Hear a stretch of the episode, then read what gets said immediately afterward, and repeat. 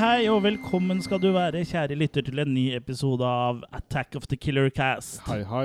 Hei, hei. Morgen, morgen. Er God det- dag. Er dere der ute? Ja, er det noen igjen der ute? Det er jo det vi lurer på i disse koronakrisetider. Mm. Du hører i hvert fall på Attack of the Killer Cast, om du lever eller ei. Og det er øh, da en trash horror kult sci-fi skrekkfilmpodkast øh, med meg, Chris, og Kurt? Jørgen. Kurt Jørgen. Kurt Jørgen. Men dere er to forskjellige personer. Ja, det var et komma der. Et Ja, mm. stumt komma. Et stumt komma. Uh, og i dag skal vi snakke om Naked Gun-trilogien. Uh, men før vi kommer så langt, så pleier vi jo ofte å ta en liten prat rundt bordet for å snakke litt om hva vi har eh, sett siden sist. Mm. Er det noen Penis. som Ja, du har sett en penis? Mm. Ja, Det er godt, for jeg, ja, jeg og Kurt har jo såpass, er jo såpass tjukke, så vi, jeg tror ikke vi har sett vår egen penis siden sist. Men speil, eh, jeg tror den er der. Dere har speil. Så vi Ja. prøver å se på hverandres, men ikke det får vi til i disse- koronatider. Karina-tider. Er Karina? Karina hadde fått det til. Hvem er Karina? Nei, jeg vet ikke. Er det noen som føler for å begynne, eller? Eh, Ellers så kan jeg godt begynne. Jeg, ja, begynn du. Jeg har sett uh, en ganske kommersfilm, vil jeg si, det til også å være. Jeg har sett Jurassic World, Fallen Kingdom, Mm. som vel er, blir nummer fem, fem i rekka, gjør det ikke? Ja, noe Jo. sånt. Ja. Mm. Uh, ja, handlingen er som følger av at uh, vulkanen uh, på øya som den forrige filmen foregikk på, da, den eh, våkner til liv. Så er det da en gruppe med sånn naturvernere, da, tilsynelatende, som bestemmer seg for å få redda ut artene der, da. Så ikke de skal dø ut. Er det kunst? Art? Ja, og da får de med seg Owen og Claire, da, som var hovedpersonen i forrige film. Og de blir jo da etterlatt da, på den eh, øya her som er i ferd med å bli tatt av lavaen eh, fra den vulkanen. Hvis det er lava lava. Hva var lava? lava? Ja, det var lava lava, tror jeg. Okay, ja. Ikke lava. Og for planen var jo da nemlig aldri å redde disse dinosaurene, men å få tak i dem for å selge dem på auksjon. da. Så den blir jo tatt med til en sånn mansion, så den tar jo en litt annen vending da enn eh, de fleste andre Jurassic Park-filmer det gjør. Joe, Joe Exotic som skulle kjøpe dem? Ja. ja.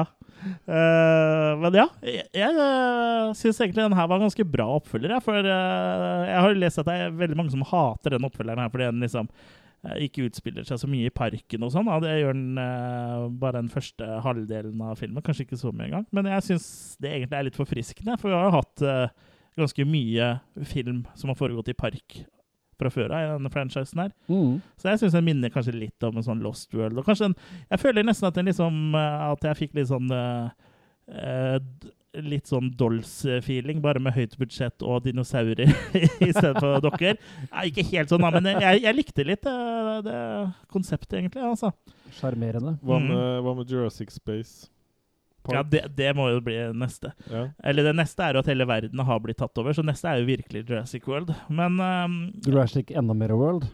på den mansionen hvor de i tillegg har en sånn fors eh, Eller har de i tillegg en forskningspark, sånn, eh, da, hvor de eh, da har de liksom uh, tatt og um, genmanipulert fram en sånn superdinosaur som ikke var en ekte eh, rase, da, som, er en sånn, uh, som de skal selge som et våpen. da. Så jeg, det, Den har jo litt sånn B-filmestetikk på Mm. eh, handlinga, men jeg, jeg syns den var kul. Jeg, så jeg skjønner ikke hvorfor folk egentlig hater så veldig på den, men det er vel kanskje litt sånn kult å hate på ting. Men jeg Ja. syns ikke den var noe særlig dårligere enn den forrige, Eh, så for meg så blir det en uh, makekast fire. Mm. Jeg vet ikke om noen av dere har sett Jurassic World Fallen Kingdom? Ja. Nei, jeg så den forrige på kino. Jeg var ikke noe Ikke imponert sett. av den, så jeg har ikke giddet å sette den nye, skal jeg være helt ærlig.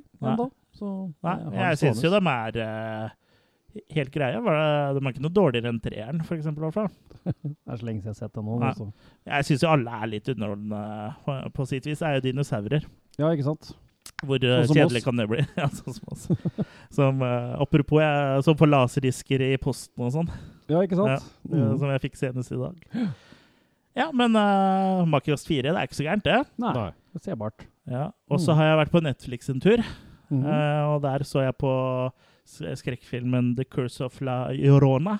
Oh, ja, uh, som da er en film som foregår i The Conjuring-universet. som ligger der, ja. Ja, Mhm. så Den er basert uh, på legenden om La Llorona Det er litt vanskelig å uttale. Det skrives jo La Llorona, men uttales La Llorona. Og La Llorona er en meksikansk kvinne som ifølge legenden skal ha drukna sine barn For å hevne seg på mannen som da forlot henne. Og rett etter hun da har gjort det, så skal hun angre på det. Og så har hun gått igjen, da, ifølge som meksikanske legender, eh, helt siden hun døde, og liksom prøver å erstatte eh, barna sine med andres barn. da. Mm. Og handlinga i filmen her er lagt til eh, Los Angeles i 1973, og vi følger da en mor som prøver å hindre at barna barnet hennes blir tatt av La Llorona, da. Ja. Her, her burde de jo lagt inn, når de meksikanske tidlig, burde de jo lagt inn at det var La Corona. Ja, ikke sant? Ja. Bortsett fra at den er lagd for to år siden. Ja, Mm. ja men det kommer noe fra. Det kommer fra, noe fra Full Moon Features nå, tenker jeg. The Curse Ja. La Corona. Men som sagt så er det en film i The Conjuring-universet, ja, samme som også Annabelle og filmen her, og The Nun. Og um, The Nun er jo kanskje den dårligste som jeg har sett av de til. Nå har ikke jeg sett den nyeste Annabelle, men um, den her syns jeg egentlig var ganske bra. Uh, jeg syns liksom det hjelper litt at det ikke er i nåtida. Det, jeg syns liksom det funker litt bedre når det er på 70-tallet. av en eller annen grunn. For da kjøper du litt mer i den der eh, overtroen, og det er jo noen katolske prester inne i bildet her, og du kjøper den litt mer da, enn liksom, hvis det skjer i 2020, føler jeg. Ja, For driver, nå driver ikke katolske prester med sånt. Nå driver de med helt noe annet. Ja, nå gjør de noe helt, helt annet, ja. ja. og Litt jumpscare, selvfølgelig, men jeg syns eh, i bunn og grunn at denne her var ganske bra. Ja, så, så det blir en makekast fire fra meg. Mhm. Og jeg har mer, jeg. Kjør på. Jeg har en til. Eh, Jeg har sett enda en skrekkfilm, da. For det er jo sånt vi driver med her. Ja. Eh, Jeg har sett en film som heter Countdown. Og det finnes jo en app for alt, eh, som vi vet. Og Countdown handler da om en app som viser deg når du skal dø. Ja. Og ja, sånne app- apper har jo fint, uh, eksistert lenge. Jeg husker sånn i starten når nett, øh, internett begynte å komme, så var det en sånn nettside uh, som du kunne se hvor lenge du hadde igjen å leve. da. Og det finnes jo masse sånne apper og sånne er jo stort sett bare tull. Men i den filmen her så viser den jo faktisk når du skal dø, da. Og hvis du da liksom prøver å unngå å dø ved å liksom sperre deg hjemme, og sånn så du liksom umulig kan dø, da, så får du sånn melding om at det er brudd på brukervilkårene. Og så, ja, så dør jo allikevel da, når din tid har kommet. Og, så jeg vil ikke spoile så mye mer enn det. Det tar jo litt sånn vendinger uh, her òg. Og jeg hadde egentlig ikke noen særlige forventninger til den filmen, men jeg syns faktisk den var overraskende kul. altså. Mm. Og en ting som også er litt uh, artig, er jo at uh, filmprodusenten har jo laga en app som er lik uh, denne filmen.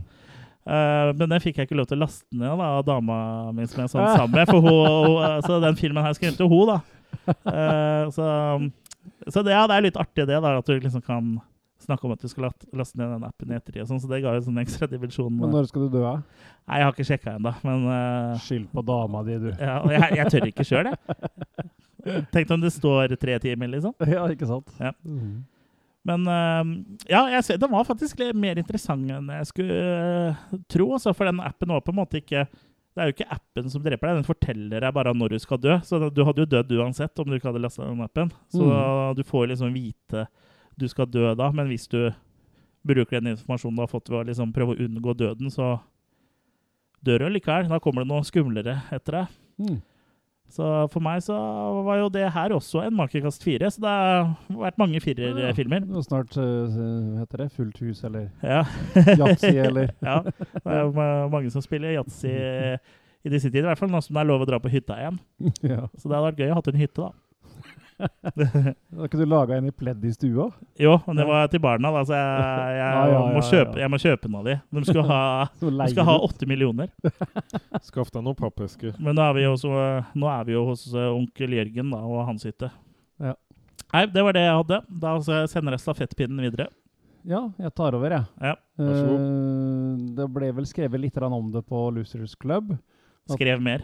Skrev mer at uh, den kjente Joel M. Reed har gått bort. Eh, Jeg snakker da om en kultfilmregissør. Han er jo stort sett kjent for én film. I grunn. Ja. Uh, og den hadde ikke jeg sett før, så da pass- Bloodsucking Freaks! stemmer. Så da passa jeg på å ta en titt fra, på den. Fra 76. Med Shamus O'Brien og Viju Krem i hovedrollene. Han er krem. Hun er krem. Hun ja. ok. Eh, uansett, da, det, dette er altså en um, Det handler om Sardu, som er en sånn teatersjef som uh, satser på makaber teater. Uh, hvor det da handler om tortur og lemlestelse og sånn. Bare at gimmicken her er jo at alt han viser på den scenen, er ekte. Selv om publikum ikke tror noe på det, så er det nettopp det det er. Det var der han kortvokste var med, Chris? Ja, Stemmer. Han, mm. Ralphus. Mm. Ja, Ja, Ralph. Den eneste fyren som jeg vet som har spilt i Bloodsucking Freaks, Freaks og Star Wars, liksom. ja. Og porno. ja, han har spilt i noe erotikk Er òg. ja. Mm. Sikkert. Helt sikkert. Men uh, ja, Bloodsucking Freaks er jo blitt en sånn kultklassiker. Uh, den baserer seg jo litt på eh, Ja, egentlig så var den inspirert av Ilsa-filmene, blant annet. da. Mm. For å lage noe som var uh, over the top og trashy og campy og ja, ultra mm, violent. Men uh, jeg syns vel ikke helt det holder mål i dag. Han som spiller Sardu, er en slags sånn uh, D-filmsversjon av Christopher Lee, eller noe sånt. Veldig Ja. sånn eh, overspilt og, og sånn. Uh, og resten av figurene er bare helt talentløse, altså, skuespillermessig. Historien er jo artig, så han kunne jo lagd noe kult her. Men han har jo ikke hatt noe budsjett til å lage annet noe som helst troverdige effekter. Selv om det er mye blod slash maling, så, så er det ikke bra lagd, liksom. Så ja, det er jo en tromafilm, det her. Minns han hadde en viss atmosfære? Ja, det er lenge siden jeg har sett den. Ja. Uh, Han, han er trashy, og det er, det er absolutt noe av det mest trashy jeg har sett i mitt liv. liksom. Den er jo bare Trykker jo på alt som er av uh, anti-BBFC-knapper, og kjører fullt på sånn sett. Ja. Men Mm. det, det er bare Igjen, han har ikke hatt noe budsjett til å gjennomføre det han har hatt uh, lyst til å gjennomføre, da. Nei. Så jeg syns liksom ikke han er ikke noe sjokkerende på noen måten, enn han sikkert hadde ønska han var. Han var sikkert mer sjokkerende i 76, det var han nok. ja. Det var du òg.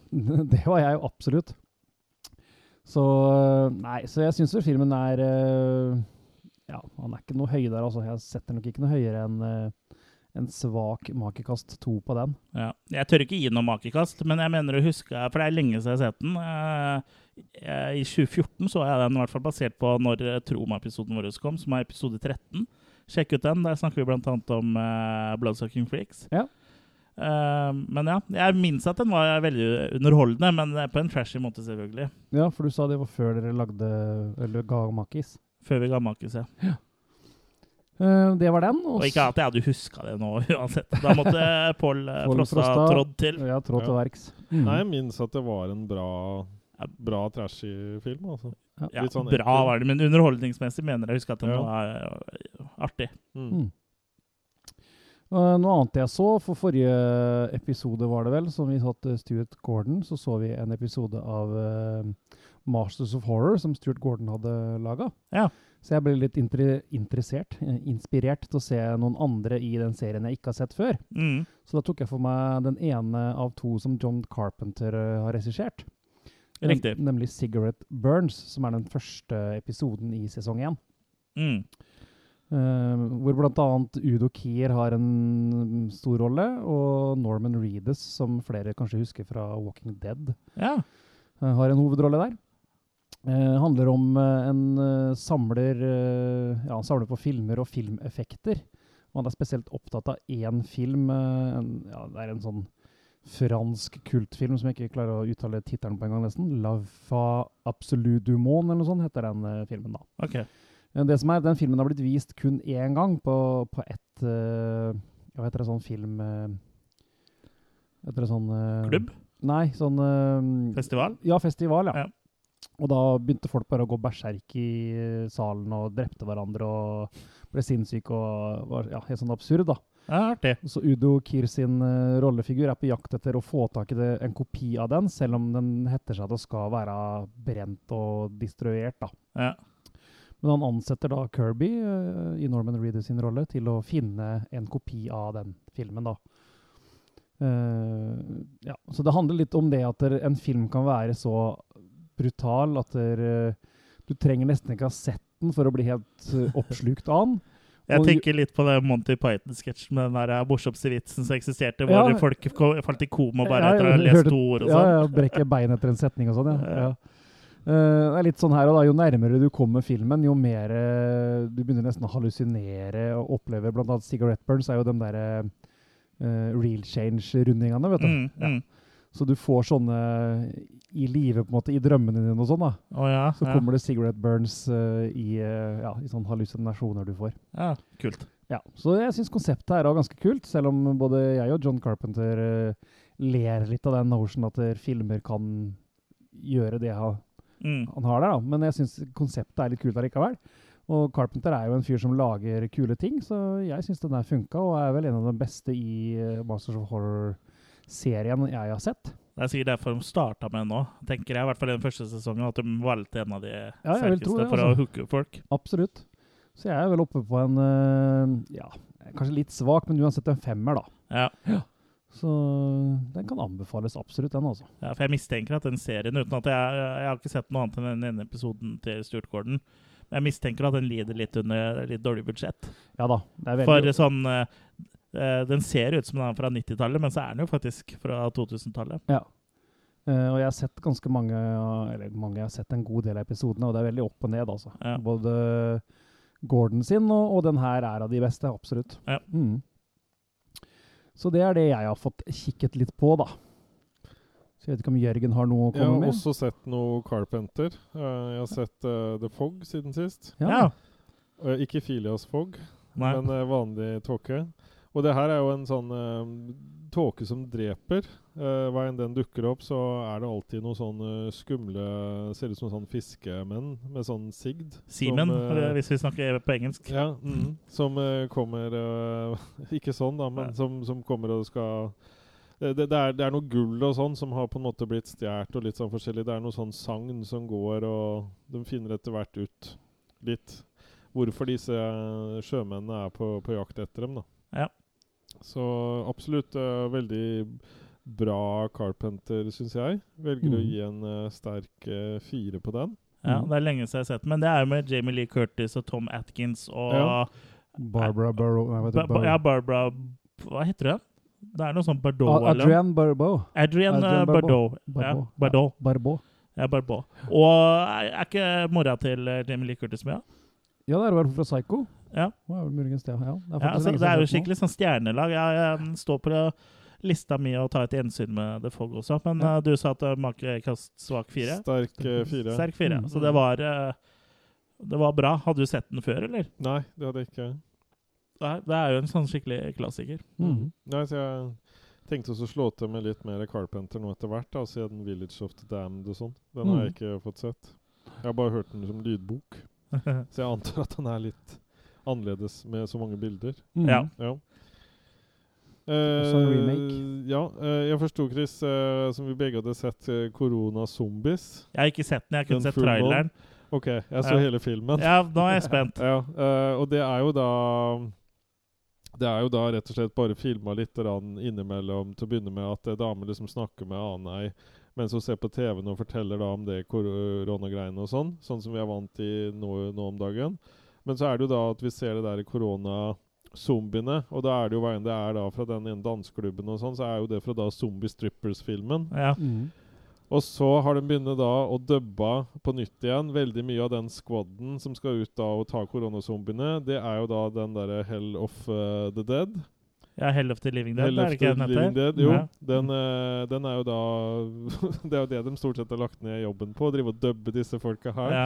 Og det, det fikk meg faktisk til å flire mer enn én gang. Så Ja. jeg syns liksom det var Selv om det er jo en veldig Jeg håper ikke at mange filmer blir sånn som det her. Da, at det her er liksom nye typer filmer. At man bare setter sammen uh, stokk. Det er nok full eh, moon. Som de, my de Ja. gjør jo det mye. Men sånn Ja. som jeg forsto det, så er de nye det? Bildene i den filmen er jo faktisk filma i karantene. Ok. Ja, for de damene er stort sett alene, er det ikke? Jo, jo, de er alene. Ja, for jeg tror bare det er en kameramann, og det er veldig sånn lavbudsjett Mm, og ja. Nei, to meter avstand og jeg sånn. syns liksom det funka og fortjener iallfall en sterk treer, da. Ja. Mm. Såpass. Altså, det jeg kan jo være anbefaler å sjekke det ut, for eh, sånn som vi som fniser litt og sånn, Mm. vi, Ja. vi vil nok fnise litt av noe av den dubbinga og sånn, for den er jo ikke Dubbinga var jo ikke så god i utgangspunktet på de filmene der. Nei. Og Så den eh, Jeg syns de har fått mye ut av det. ja, Mm. det er sikkert eh, morsomt å se på. Eh, nå tror jeg ikke Full Moon er i den skalaen, men når dubbing eh, blir gjort riktig, sånn som Ja. i Kung Pao, så er det jo hysterisk morsomt. Ja, Men det er jo også ikke- hysterisk morsomt når det går feil vei òg, da. Selvfølgelig. Ja, nei, men her tror jeg på en måte det Det kunne ikke Det kunne nok ikke bli hysterisk morsomt, det her, uansett dubbing, Nei. tror jeg. Men det, jeg følte liksom at de hadde lagt litt ned i det, da, i hvert fall. Ja. ja. Så jeg, jeg vil jo anbefale dere i hvert fall ta en, ta en liten test, og utsette dere for det. Ja. Ellers har jeg sett eh, litt mer sånn større budsjett, da, inspirert av hva skal vi si for noen siste måneds eh, begivelser. Så jeg har sett den der Contagion ja. fra 2011. ja. eh, Warner Brothers-film, så her er det jo en del penger.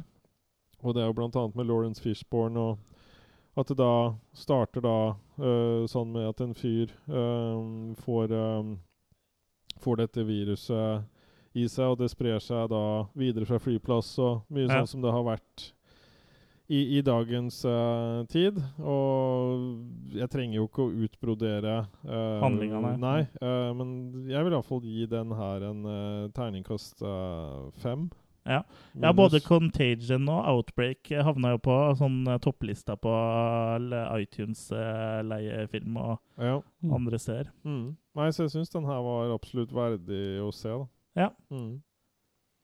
Så det Det var vel stort sett det jeg vil dra fram for, for denne gang. Ja, Du holder på å dra fram noe annet, også, men det der kan du vente til etter vi har spilt inn podkasten. Først Riktig. så skal vi jo snakke om uh, Naked Gun-filmene. Ja, Det det, er,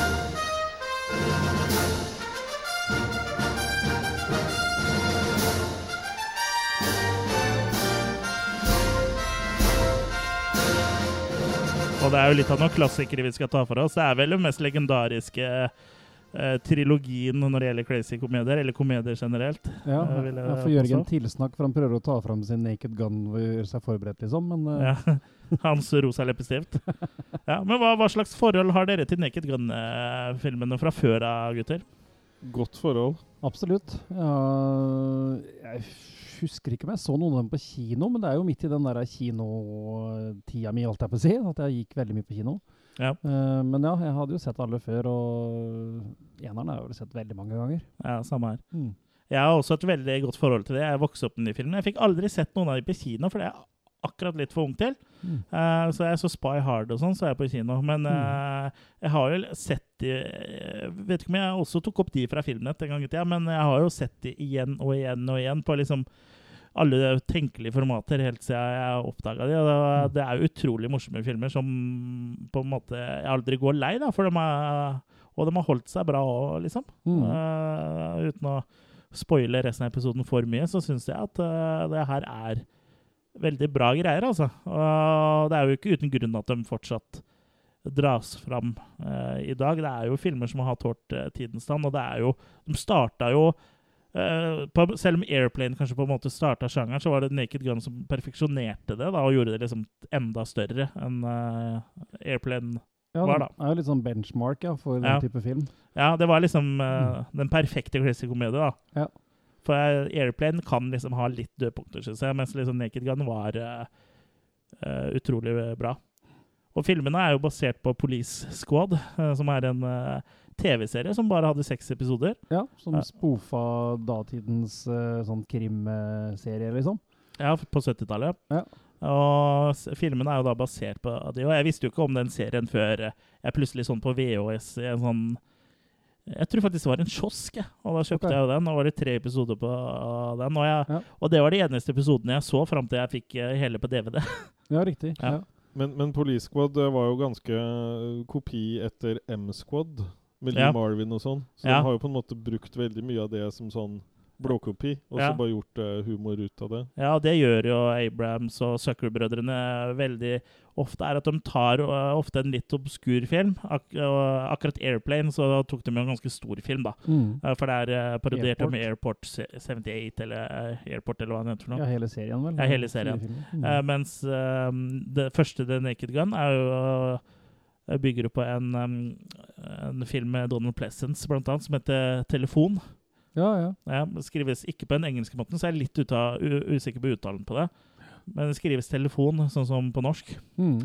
Og det er jo egentlig den samme handlinga som er i eh, den første Naked Gun, at man eh, har sånne sovende uh, leiemordere som reagerer på uh, et ord, da. Mm. Altså blir oppringt av telefonen, og så sier de snickers, for eksempel, og så must kill Jørgen. Mm.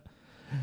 Men ja, vi trenger jo ikke forgripe oss for mye på handlinga før vi snakker om den. Men eh, du er Jørgen? Jeg, men, jeg mener, jeg er usikker, men jeg lurer på om jeg så naked, noen av Naked Gun-filmene på kino. Jeg er usikker om Ja. det var det eller noen av de andre de hadde. Men Ja. jeg er ganske sikker på at det i hvert fall var en sucker, uh, sucker-film. Ja.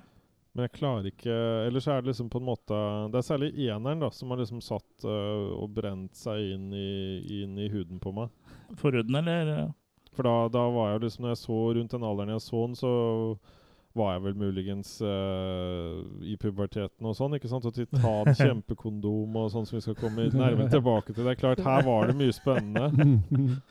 Så Ja, det er jo det var uten tvil veldig eh, eh, Som 12-13-åring så er man veldig mottagelig for den type humor her. Eller det var i hvert fall eh, jeg. Mm. Eh, og jeg syns jo eh, Vi trenger ikke å wrap it up nå, for vi har ikke snakka om den filmen men jeg syns jo at de komediene her er i en klasse for seg, og det er dessverre eh, så lages ikke sånne filmer lenger.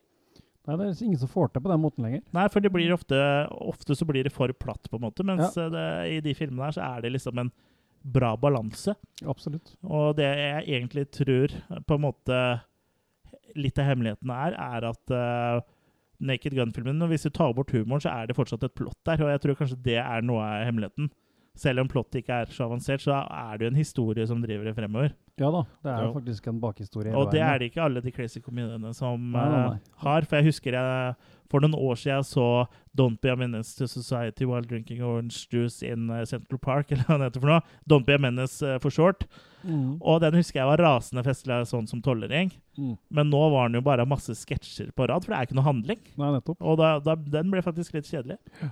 Og sånn som Mel Brooks òg, har jo historier i filmene, og det er, jo- de er jo udødelige, ikke sant? Fordi Ja. det er jo en fremdrift, og det er ganske viktig for film å ha fremdrift, altså. Ja, Mm. Apropos Mel Brooks, så la det noe som la merke til han i første filmen. da. Nei. Han spiller en rabbiner han i sluttscena, hvor alle de driver og klemmer på hverandre etter den der store kampen. Jeg gjør den det, Så ja? rabbineren der er Mel Brooks. Han er ikke kreditert, men du ser det godt hvis du på en måte Å ja, ja, det visste, visste jeg ikke. Da men jeg ser en Uh, Det det, er det fint med Naked Gun-filmene, er at du, du oppdager liksom noe nytt uh, hver gang du ser den. Ellers hadde du glemt det, og så gjenoppdager det. Men det er, det er veldig mye jokes eh, der. Det er Mm. utrolig mye jokes. Absolutt. Men eh, kan vi ikke bare sette i gang og så snakke om eh, den første filmen? In this city, there's crime on every street. But one man has seen enough. He's Lieutenant Frank Drebin. Whatever scum did this, not one man on this force will rest for one minute until he's behind bars. Now let's grab a bite to eat. He's a good cop who's having a bad day. His best friend Everyone should have a friend like you. is in a coma. As soon as Nordberg is better, he's welcome back at Police Squad. But I wouldn't wait until the last minute to fill out those organ donor cards. His girlfriend asked him to look her up. Nice beaver. Thank you. I just had it stuffed. Let me help you with that. And his city is in the hands of a master criminal with a sinister plan. I must kill the queen. How can any police story contain this much action? This much romance? I like cops. Or this much baseball? Starring Leslie Nielsen, a cop who's always on the alert. Mikhail Gorbachev, I knew it. Queen Elizabeth, everyone's favorite queen. Priscilla Presley, a woman who really cooks. How hot and wet do you like it? Ricardo Montalban, Frank. You're both right. George Kennedy, the partner with an appetite for danger. O.J. Simpson, as you've never seen him before. And Reggie Jackson in his first dramatic role. In a movie so big, it had to be filmed in color. The Naked Gun, from the files of Police Squad. See you then.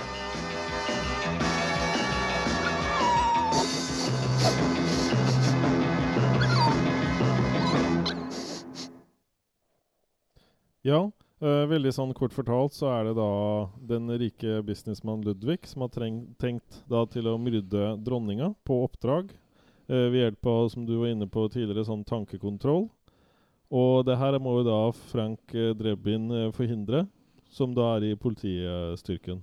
I spesialenheten Police Squad. Ja. Mm. Det er, det er en veldig, veldig enkel, enkelt plott, men det er jo det er sånn typisk sånn krimfilm fra 70-tallet. Jeg mener den telefonen var fra 77 eller noe sånt. Litt usikker på det. Mm. Men det er jo sånn veldig sånn klassisk sånn eh, 70-tallskrim, da, egentlig hele greiene. Og jeg syns jo bare åpningssekvensen med eh, Nor Norberg, da, som er spilt av OJ Simpson, eh, som sniker seg inn eh, på den båten som heter I Love You. Og liksom sånn Helt i starten så virker jo alt helt seriøst. Mm. Helt til han sparker i den døra og bare sparker rett igjennom. Mm.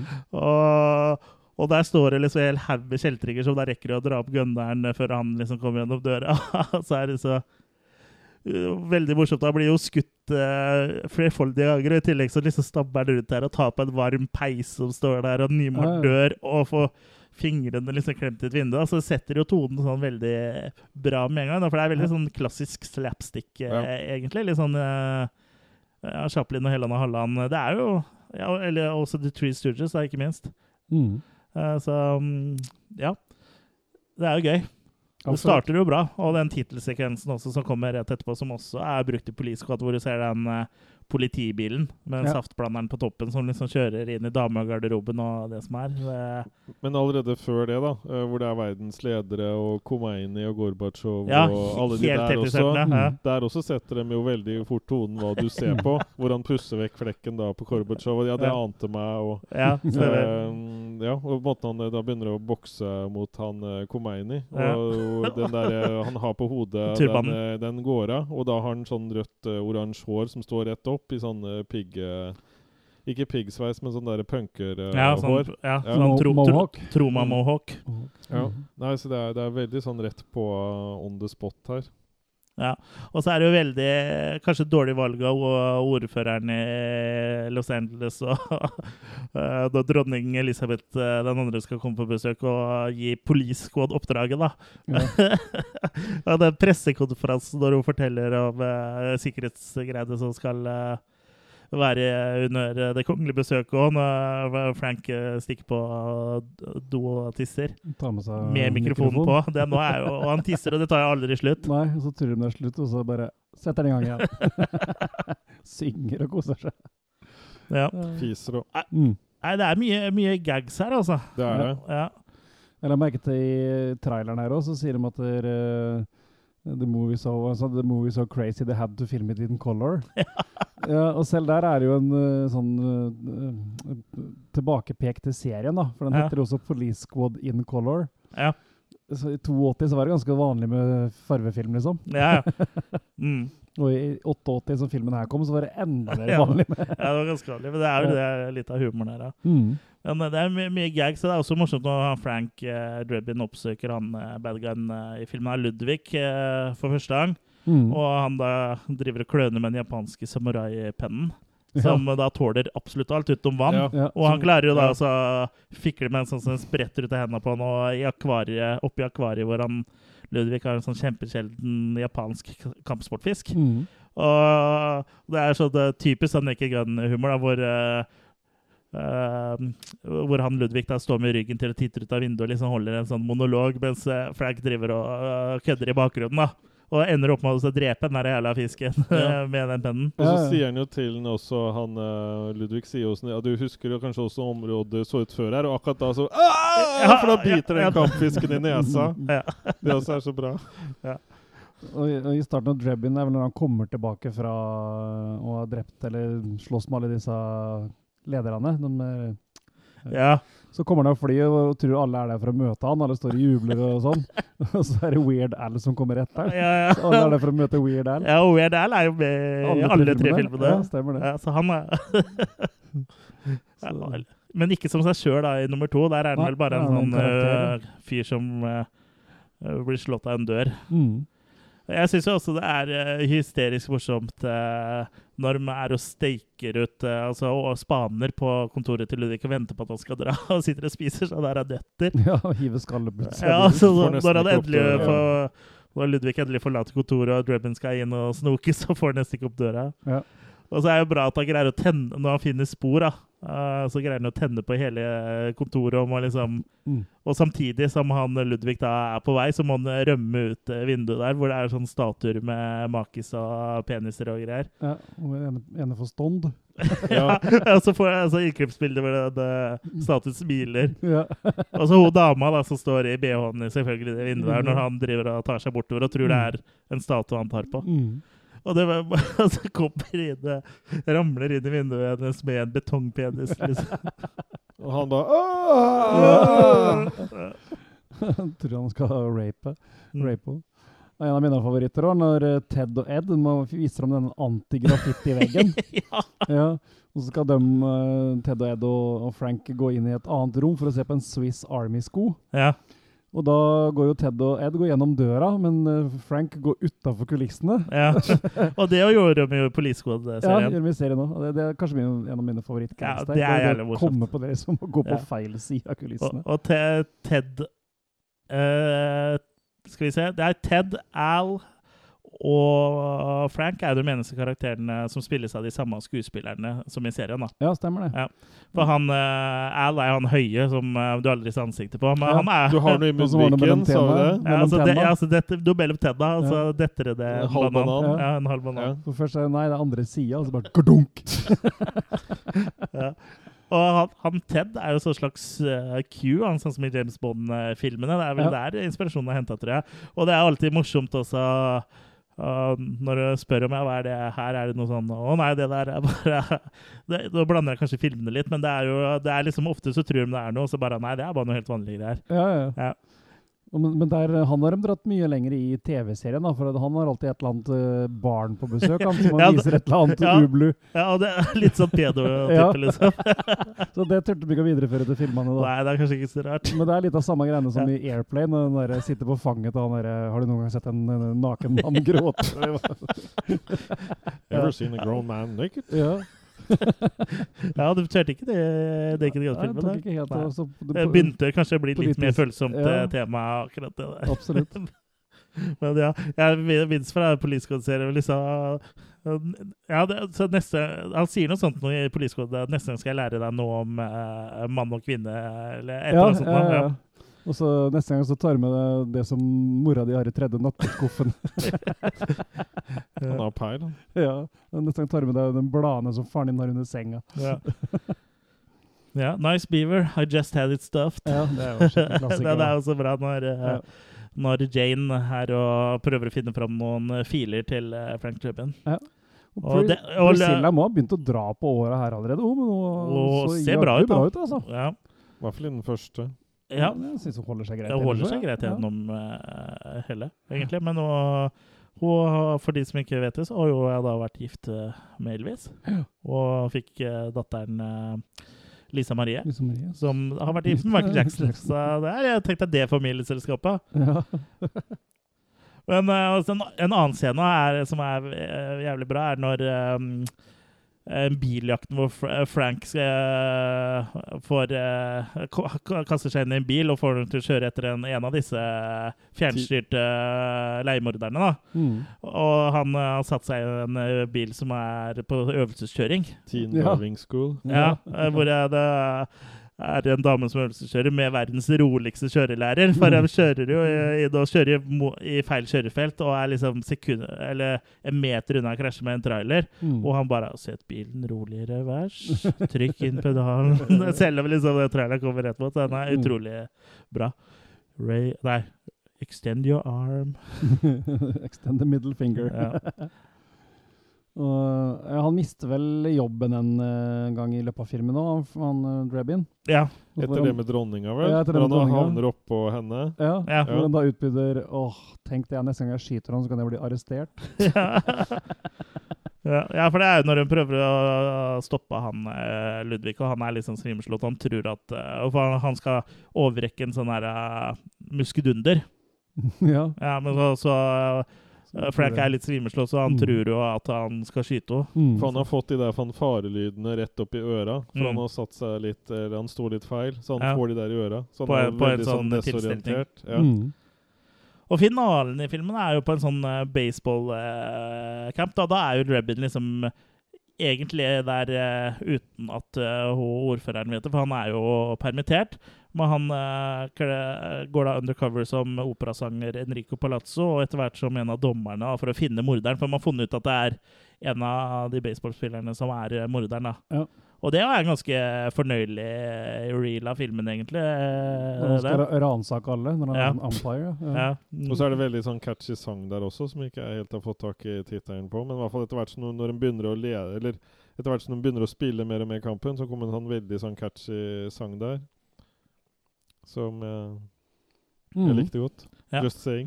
Og Habsburg sjøl, han eh, ender jo sine dager da under en det Har vi snakka om han som datt i syre? For det dukker jo opp i baseballkampen. At Ja. det der er en som tygger på en pølse, og så finner han plutselig Ja. en ring. Ja. Så stusser han fælt på hvor den ringen har vært, og så finner han en finger oppi, i- oppi pølsa si.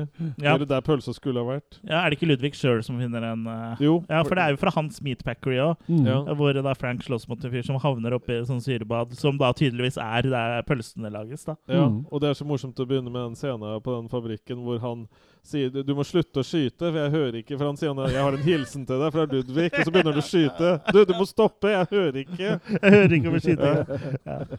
Nei, det, det er jo sykt mye gags her, så det er jo liksom umulig å ramse opp eh, alle, egentlig. Og no, Eh, noe av det jeg liker veldig godt, da, er jo alle mulige sånne ordspill og sånn. ja. Og det er jo utrolig mye her som ikke går an å oversette. Tekster. Ja, tekster, ja, så det blir Ja. jo aldri bra. Så du må liksom få med deg originalet, liksom. da. ja.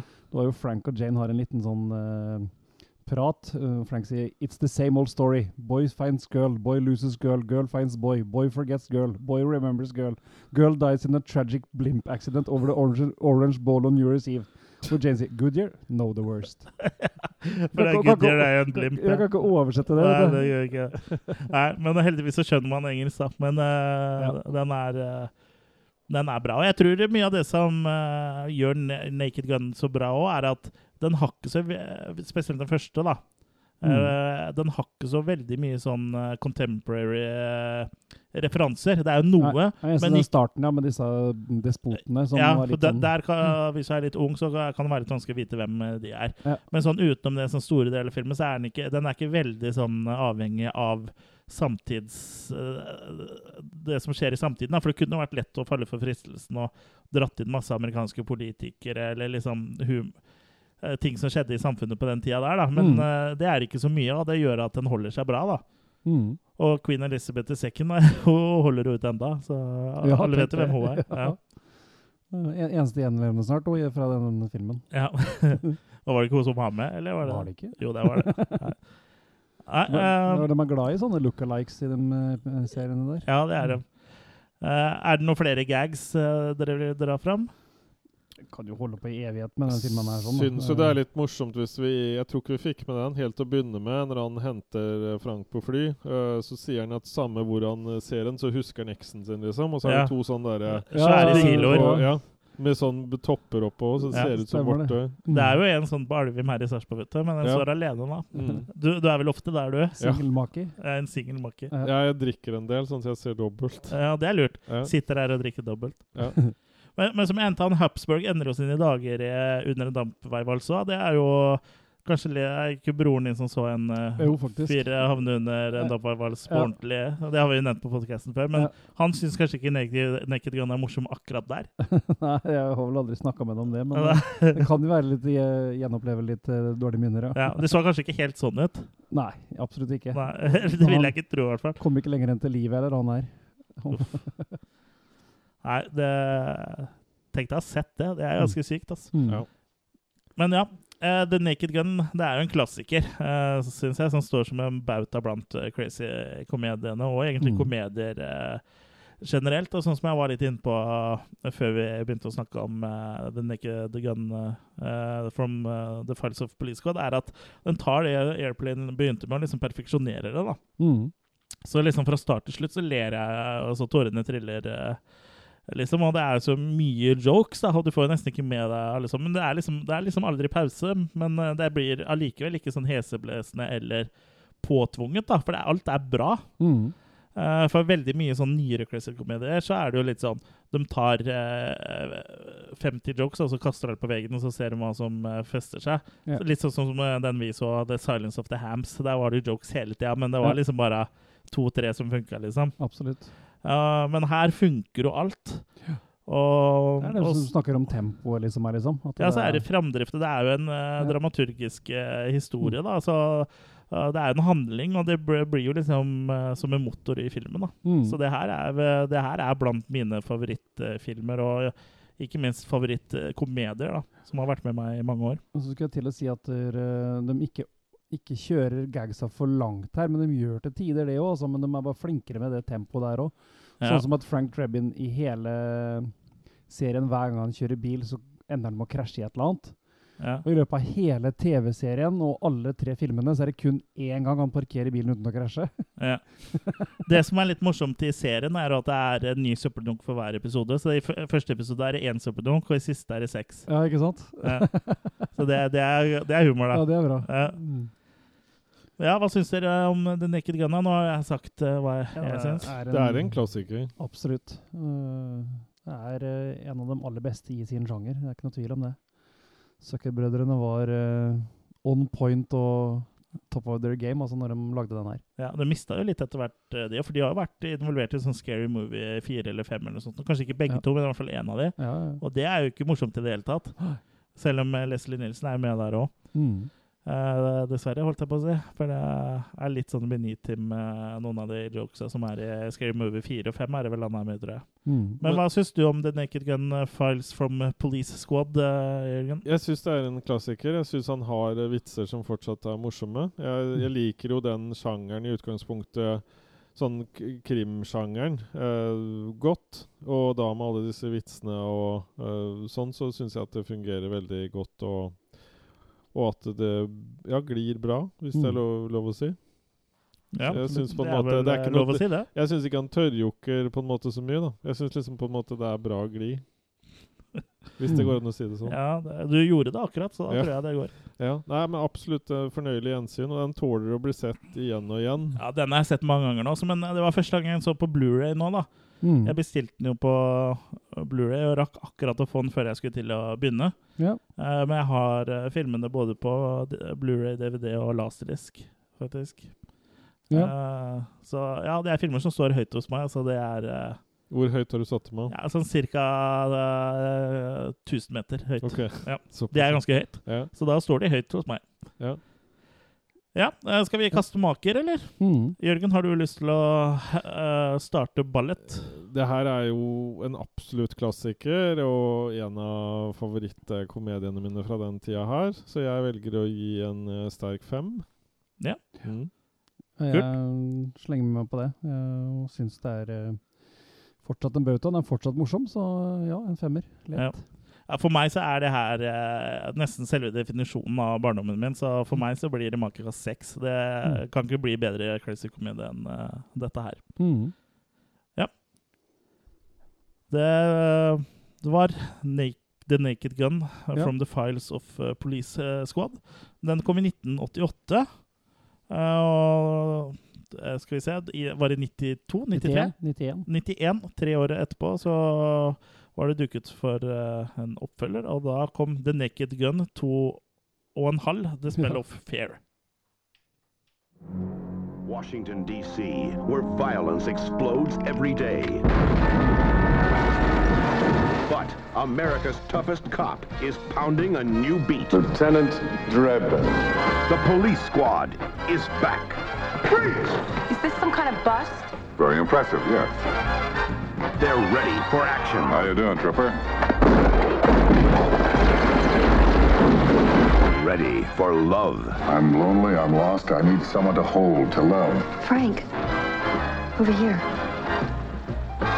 And ready for seconds. In the movie that proves you can lead a cop to water, but you can't make him think. The water's over there, Frank. Starring Leslie Nielsen, I don't recall seeing your name on the guest list. Nothing to be embarrassed about. I sometimes go by my maiden name. if it's not dangerous, he's not interested. Priscilla Presley as the irrepressible Jane. Robert Goulet as Quentin Habsburg. The truth hurts, doesn't it, Habsburg? Oh, sure. Maybe not as much as jumping on a bicycle with a seat missing, but it hurts. George Kennedy as Captain Ed Hocken. Congratulations. I understand that Edna's pregnant again. Yes, and if I catch the guy who did it. And O.J. Simpson as Nordberg. Step on it. If you only see one movie this year, you ought to get out more often. The Naked Gun 2 and a half. The Smell of Fear. Give me the strongest thing you got. This is a sequel so big, they had to add another half.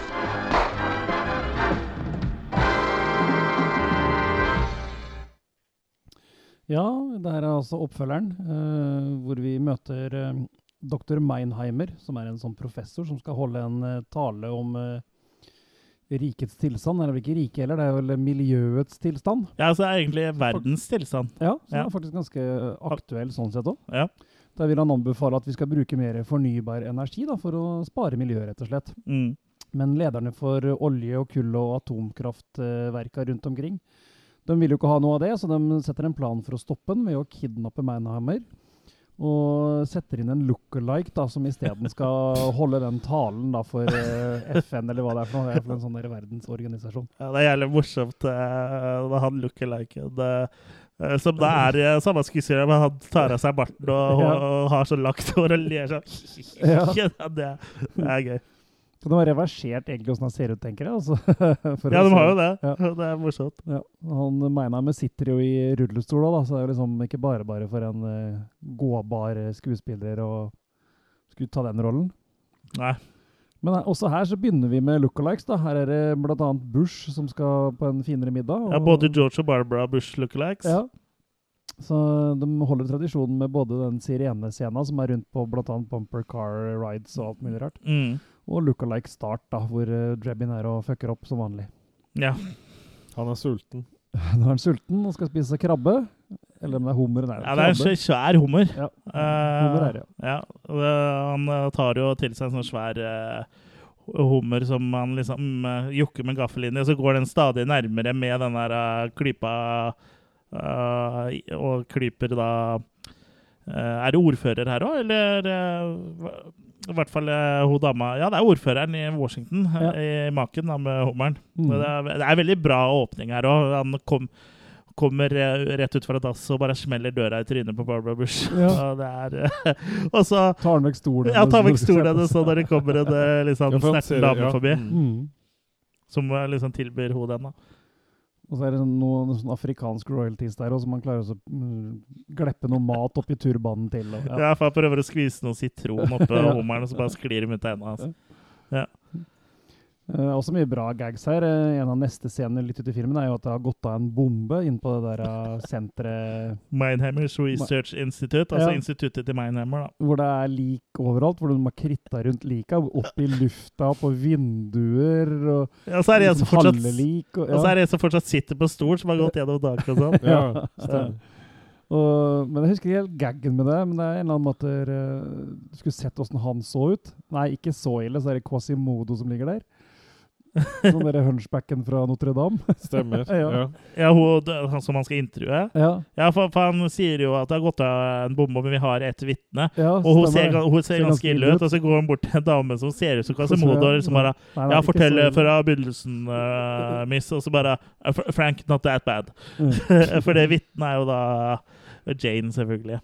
Så han blir jo gjenforent med Jane her da, på den måten. Ja, for det har jo vært slutt. Eh, Hvor har de å jobbe for disse despotene, eller disse terroristlederne, holdt jeg på å si?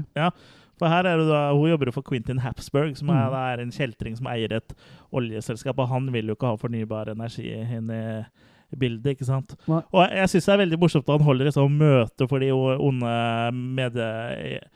eh, som også er sånn eh, oljedespoter og, og bensin og sånne ting. Og han viser faktisk frem en elbil. Det er jo vel rimelig forutseende. Men Ja, eh, elbil De hadde kanskje det i tankene ganske lenge. Ja, men det er jo morsomt å se nå som det faktisk fins elbiler. Elbiler fantes fra 1913 og Ja, men De første bilene var jo elbiler, Ja. faktisk. Fordi at, eh, men så oppdaga USA olje, og da Ja.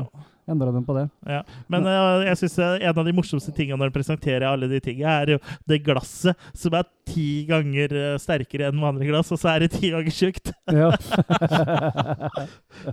det, det, det er humor. Ja. Og det er jo også der hvor du presenterer han her Meinheimer lookalaken.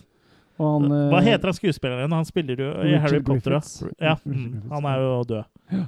Men han er en, det er sånn gjennomgående for alle Naked Gun-filmene, syns jeg, at det er veldig gode skuespillere. Mm. Og det også er jo med på å gjøre det bra, for de, eh, skjønner, de spiller jo straight, liksom. Ja. Sånn stort sett. Det hender jo at eh, det kommer noen sånne rare blikk og Men uh, Og han Quentin Hapsburg spilles av Robert Goulet. Og en av gjennomgangsgagsa i serien er at der, i hver episode så er det en special guest. Ja. Alt de gjør, er jo å dø i den scenen i introduksjonen av dem. ja, og de er ikke med noe mer, nei. Nei, jeg må ikke mer, mer. Og Robert Gourley er en av dem da, som dør i åpningsscenen i en av episodene i serien. Ja, ja, stemmer Så det. er litt gøy at han kommer tilbake i en rolle her, da. Ja. Mm. Men den eksplosjonen nå på Meinheim eh, sitt institutt, før uh, det sprenger, da, hvor eh, de som jobber, finner den der uh, bomba, som er ganske tydelig en bombe, for det er liksom sånn tegneseriebombe, dynamittgubber Ja. med en uh, klokke på. Hva Klokka er det feil, her? da. Klokka går feil. Ja, men Hvorfor er det noen som kaster noe, så- en så fin klokke, sier han, han som fant dem til den andre. Og så bare, ja, Det er vel ikke rart, vel? Den går jo feil! Og så stiller han fra, og så bare sprenger det. Og det er, det er skerpe folk, altså. Ja, ja, ja. Ja. Og senere i filmen også, så drar de han, det er jo også deppa igjen, men pga. Jane og sånn, så han drar på en sånn bluesbar som heter The Blue Note. Der er det mye trist. musikken er så depressiv og alt er trist. ja, Men ikke nok med det. Hvis du ser på bildene på veggen, så er det bilder av Titanic og en brennende zeppeliner. Ja, der, der, der er jo Goodyear. ja, der er Goodyear Blimpen. Ja. så det er liksom Alt er bare helt depressivt der. Give me the strongest you got. godt, ja, så kommer en bodybuilder inn, og så Ja. ombestemmer han seg. Skal ha en Black Russian isteden. Ja, det får vi ikke se, da. Nei, for, for kelneren bare titter mot kamera bare rister på hodet. Ja, For liksom vi forventer å se ja, vi forventer å se uh, uh, Nei, vi skal ikke gå Nei, der. vi, vi går ikke dit. så den var jævlig bra. Ja. Eh, Det er jo også jævla mo- morsomt. De oppsøker jo Hector Sauvage, da, som du mistenker for den bombinga. Og da må drar de til en sånn sexsjappe, Ja. og da står jo Frank Drebin og, og, og forhører hun dama. Men du får egentlig ikke med deg hva hun sier, Fordi i bakgrunnen så står jo Ed og drar fram det ene sexlegget etter det andre. Og det er egentlig sånn noe jeg har satt mer pris på nå som jeg har sett ja. Ja, Noe som har brukt en del. Bare boom. Noe som har Eh, brukt en del. Men nå som jeg ser det igjen, er at jeg setter pris på skuespillerprestasjonene til eh, George Kennedy. Ja. For han har jeg ikke sett ja, Det har liksom vært Frank Rebin og sånn som har vært kulest. Eh, Den har jeg sett i av filmene da jeg var mindre. Men George Kennedy, Kennedy gjør en utrolig bra jobb. ja. Og han er en bedre Ed Hocken enn han i serien nå, syns jeg faktisk. Ja, han er mye bedre. Mm. Og det, det er så utrolig bra. Han spiller jo så overbevisende også. Ja. Og i den sexsjappa også er det jo en sånn uoversettbar gag igjen, da, hvor uh, Is this some kind of bust? Ja. uh, yes, it's quite impressive, but we just need to ask you a few questions. Og så står hun og skjærer maken. Ja, ja. Det er så bra. Ja. Og så har du den legendariske parodien på Ghost der, da, hvor eh, Frank og Jane eh, har seg litt, og hvor de leker med potteries. Og han, han Harry Potteries? Han, han ene søker hadde vel regissert Ghost? Ja, stemmer det. Ja. Stemmer Ja. det. Som liksom parodierte seg sjøl. Ja. Ja. ja, det er jo gøy. Og her er det jo litt mer sånn contemporary parodier, da, for vi har jo Du har jo som sagt, um, som du sa, nå Ghost, og du har ET-parodi. og Mm. Så det er litt mer sånn Men akkurat den ET-parodien skjønner nesten alle som ikke vet hva ET er. Ja, da, og den filmen der er jo ni år etter ET kom ut. Også. Ja, mm. Jeg syns det var morsomt der hvor Hector begynner å bli veldig emosjonell når han hører Jane synger i dusjen når han skal drepe henne med lyddemper. Ja. Så bare begynner han også å synge Synge med. med, og så blir så sånn emosjonell, da. Det er så morsomt. Memories. Det øyeblikket der. Og så måten han dør på, Hector. Ja, det Han dør eh, litt sånn som i ene James Bond uh, Nå husker jeg ikke hvem om det var Hvem av James Bond-filmene det var, men i hvert fall han blir i hvert fall full av vann, for han får sånn der eh, brannslange i kjeften, Ja. og så bare gjeser den ut helt Ja. til han eksploderer. Gjør ned i en James Bond-film? Det husker jeg ikke. Nei, nei, altså det er en der som Han, han får ikke en brannslange, men han får noe annet i seg, og så gjeser ut, og så okay. eksploderer. Ja.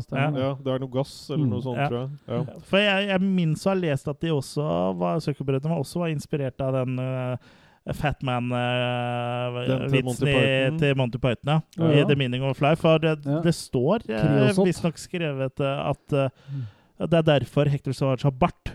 Fordi Ja. han, eh, da skal han ligne litt mer på han eh, Kreosot. Kreosot, ja. Mm. It's just a wafer tin mint. Fuck off, I'm full! Bring me another bucket.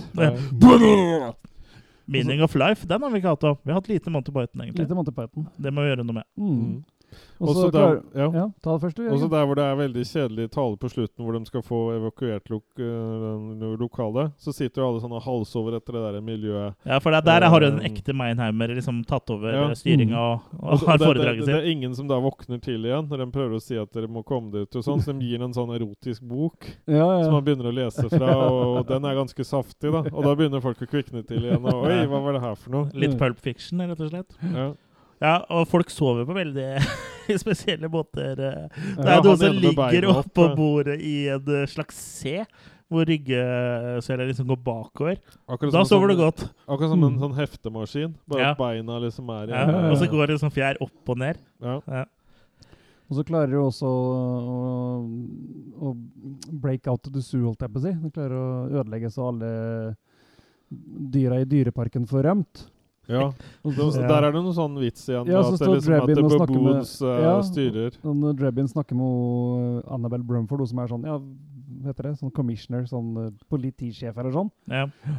sier hun at der, eh, er du klar over at der, hele byen nå er eh, styrt av uh, baboons? Hvor han sier ja, men er ikke det velgernes feil? ja, det er humor, da. Ja. ja, Hun er vel en sånn slags ordfører, tror jeg? Eller commissioner? Ja, Ja, det, det spiller Ja, det er vel ordfører eller noe sånt? Ja, Ja, sånn, det spiller ikke noen rolle. Det glemte jeg å si at hun som spiller tilsvarende rolle i den uh, første filmen, uh, hun spiller jo mora eh, til Tony Soprano i The Sopranos. ja, riktig. Så det var litt artig Mm. å se det. For det hadde jeg ikke lagt merke til eh, før. Ja, det, Og det, det. skiller jo Det som skiller eh, de andre filmene Eller den her fra de andre filmene, er jo at den her er handlinga satt i Washington istedenfor LA. Mm. Fordi de har eh, et spesialoppdrag der, da. Så jeg vet ikke helt uh, hvorfor det valget er gjort. da. Om det kun er uh, for å kunne Politisk, ja. kødde med Bush, liksom? Eller, for det hadde jo holdt på med at åpninga var der, sånn egentlig. Ja, men det er vel politiske motiver, da. Så disse Ja. politiske lederne og sånn er vel sikkert i Washington, da? At det er det som Ja, tanken. mulig. Det er jo i hvert fall greit med litt eh, change of scenery. Det Mm. går helt fint, det. Men Ed er jo også i Washington, da, tydeligvis. blitt med. Ja. Ja. Så, men eh, ja, jeg syns jo også det er noe ganske legendarisk eh, når Frank skal bryte seg inn i Hexagon eh, Oil, da, som er der hvor han Habsburg holder til. Uh, for å finne, liksom, hans, finne ut om ha, av hans kobling til eksplosjonen. da, Hvor Mm. han må svømme i kloakk og sånn. Ja, ja, ja. Og han uh, blir jo selvfølgelig oppdaga, ikke sant? Og har jo sånn her skikkelig sånn her eh, wire tap på seg, som er sånn svær sånn her nesten ut som en uh, mikser med båndspiller og sånn. I love it! Eller hva han sier for noe. Ja, for det er kuet. Ja, Da skal så, de komme. men de har jo ikke noe kontakt med han. Og så han må rømme og Han blir jo tatt til fange og så bindt fast, og så prøver han jo å rømme ved å For han er jo bindt rundt eh, ryggen på en stol, Mm. så han prøver liksom å skrape opp det tauet mot en sånn eh, eh, stålhylle som står der, og, og han eh, ekte. Meinheimer er jo også der. Og mens han uh, Drebin skraper, så rister den hylla, og oppå toppen her så har de laget alt fra baseballkuler til uh, biljardkuler og skjegler og eh, ambolter, og alt det faller selvfølgelig ned i hodet på Meinheimer mens han uh, Drebin rister på en hylla. Mm. Så, så han Ed er jo så forbanna etterpå, når de finner Mannheimer, liksom hva de har gjort mot en som er handikappa. Ja, ja, ja, Så han, vi skal tro liksom at han banker opp han Hector.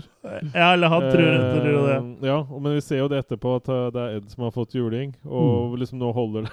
Ja, den, ja. Ja. ja. Nå er det bare deg og meg. Ja. Han tar av seg badgen og tar bort våpenet. ja, det, Mm. det holder, da. Det holder, da. Han har fått nok. Ja. Nei, Nei det er en eh, Jeg syns det her er en eh, veldig bra oppfølger, altså. Mm. Den, eh, den holder mål. Ja. Hva syns dere, gutta? Ja da, han er nok hakket ned, men det er litt sånn det er når du får en så bra start. da, Så kan, er det vanskelig å leve 100% opp til det første. Så det vil nesten alltid bli et eller annet skritt ned. Så jeg syns han er veldig, veldig bra. Et den herreskritt eller et kvinneskritt? Ja, det, mm, det spørs på humøret. Spørs på hvilken dag det er i uka. Ja. si. Så, men absolutt, det er masse kule gags her òg, det er ikke noe tvil om det. Mm. Masse kule gags er vel å overdrive, men uh, Ja, du syns ikke det er masse kule gags? Nei, jeg, jeg syns at den her går betydelig ned. da. Eh, betydelig jeg var ned, ikke så Betydelig, underholdt, og jeg syns han var mye lenger å komme seg gjennom enn det den første er. Uh, for det den er. Så det, for meg så gikk det liksom litt fra symfoni til uh, pop. Popmusikk. Ja, Popmusikk kan være veldig bra, da. Mm. Ja. Queen Nei, men er popmusikk, vet du. Det var ikke like artig å se igjen uh, toeren, holdt jeg på å si. Ja. Så- det, vet jeg ikke Kurt, det vet jeg Kurt ikke er enig i. Si. Så jeg, så jeg syns her ble det litt langt Kan- mellom de gode vitsene, liksom. Vi kan ikke snakke om toeren her, for her er det to og en halv. Ja. Ja, ok. Ja. Men Nei, eh, så- den kunne jo vært uh, oppkalt etter deg, da. i hvert fall etter uh, den undertittelen 'Smell of Fair'. ja. Hæ? Ja, men Kan ikke du bare komme med et makekast, da? Nei, jeg? Velger er å gi en fire minus her. Fire maker. Mm. Ja, jeg havner også på en firer her, for han er, han er hakket ned fra den første, men han er likevel en veldig veldig bra film. Ja, jeg blir klam i hakket, men uh, jeg syns at den er en bra oppfølger. og Jeg syns den nesten er like bra som originale. Og jeg syns humoren er bra, og gode jokes, og sånn som så 'Give me the strongest you got'. Og ja. jeg syns det er jævlig mye morsomt her, så for meg så er det en soleklar uh, makekast fem. Men Mm. er du samtidig enig i at to og en halv er mer sånn som han har blitt på en måte kopiert opp hele tiden etter å ha blitt liksom casta igjen og igjen i den samme rollen? Er du enig i det? liksom? At uh, toeren er den som ligner mest på det de har på en måte masseprodusert? da? Ikke av de tre her, nei. Nei, Nei, nei For den uh, tror jeg vi kommer til nå. Mm. Det er nok litt mer preik enn det er gags her òg. Ikke Ja. det nødvendigvis er noe gærent, det, men uh, Nei, Mm. nei men jeg, altså, jeg syns Den har, er ikke like bra som den første. Det er den ikke. Mm, Og vi nei. gikk jo alle den karakteren ned, men ja, ja. min, utgangs, mitt, min utgangspunktkarakter, det var et vanskelig ord, var jo, litt, eh, var jo en høyere enn deres. Så vi er jo alle enige om at den er et steg ned. Mm. Uh, men uh, tre år etterpå er det, det er tre år mellom hver gang.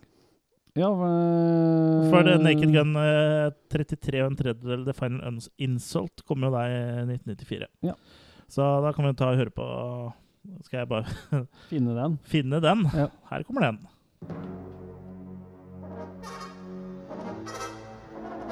When law abiding citizens are forced to live in fear, we look for protection to one man. Lieutenant Frank Drebin is back. This time, he's going undercover in the big house Where's your prison number? It's unlisted. and playing the deadliest game of all.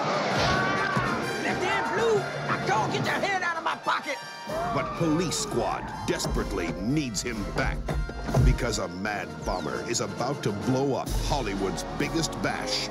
And if anyone can stop him, so can Frank. Hold on. Sergeant Frank Drebin, Detective Lieutenant Police Squad. Yeah, and I'm Robert De Niro. Mr. De Niro, we've got to get inside. Thank you. Ladies and gentlemen, it's my pleasure to present the... We're here to prevent a disaster. You're too late for that. That's the guy! Starring Leslie Nielsen as Lieutenant Frank Drebin. Priscilla Presley as Jane. Anna Nicole Smith as Tanya. Fred Ward as Rocco. Please, and nobody gets hurt. Well, from now on. Anna Nicole Smith as Tanya. George Kennedy as Ed. O.J. Simpson as Nordberg. And introducing Anna Nicole Smith as Tanya. Have you seen my pigeon? Naked Gun 33 and a third. The Final Insult. The movie that hits crime where it hurts.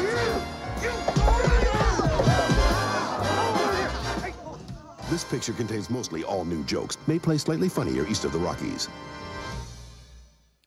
Ja, 'Naked Gun' 33 og en tredjedel. Filmen hvor Anna Nicole Smith er så mye med at hun må bli nevnt to ganger i traileren.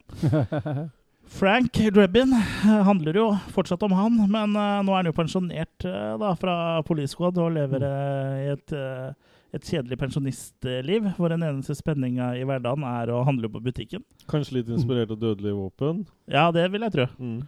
Og et liv hvor man da faktisk må stå til ansvar hvis man skulle skyte noen. Og det er jo, det er jo et forferdelig liv. Mm. Og siden forrige film så har Frank og Jane de har gifta seg. Men uh, forholdet skranter, for Frank presterer ikke i sengehalmen eh, lenger, på tross av at han har prøvd å ikle seg sexundertøy. Og det med det ene med det andre. For uh, han er liksom ikke helt seg sjøl når han ikke kan bedrive politiarbeid. Mm. Og det er jo nettopp det han gjør, og da Jane forlater jo da Frank når hun finner ut at han har påtatt seg et oppdrag for Police Squad. For han har gått undercover da, for å komme inn på den kjente terroristbomberen Rocco Dillon. Mm. Eh, For Police har da fått nyss i at han skal slå til igjen. Og det er da opp til Frank å finne ut hvor og når. Mm. Ja, det er en ganske enkel story her også, men uh, Han har gått undercome. ja, han, han går jo undercome, ja. Ja. Uh, jeg syns jo det er morsomt når han, han går jo undercover først i en sånn sædbank, da, hvor uh, Anna Nicole Smith eh, sin karakter eh, Tanja jobber. Og der donerer jo sæd i bøttevis. Så jeg syns det er veldig morsomt at han skal han lukker igjen døra, ikke sant? så er det noe som lyder sånn Og så åpner døra liksom med brillene litt med snei og en sigg i kjeften, og så er begeret fylt opp. Og så er det jo enda morsommere når han eh, får vite at de har filmer. da, Han får en sånn kulert film eh, som skal hjelpe ham med jobben, så fyller han opp seks glass til.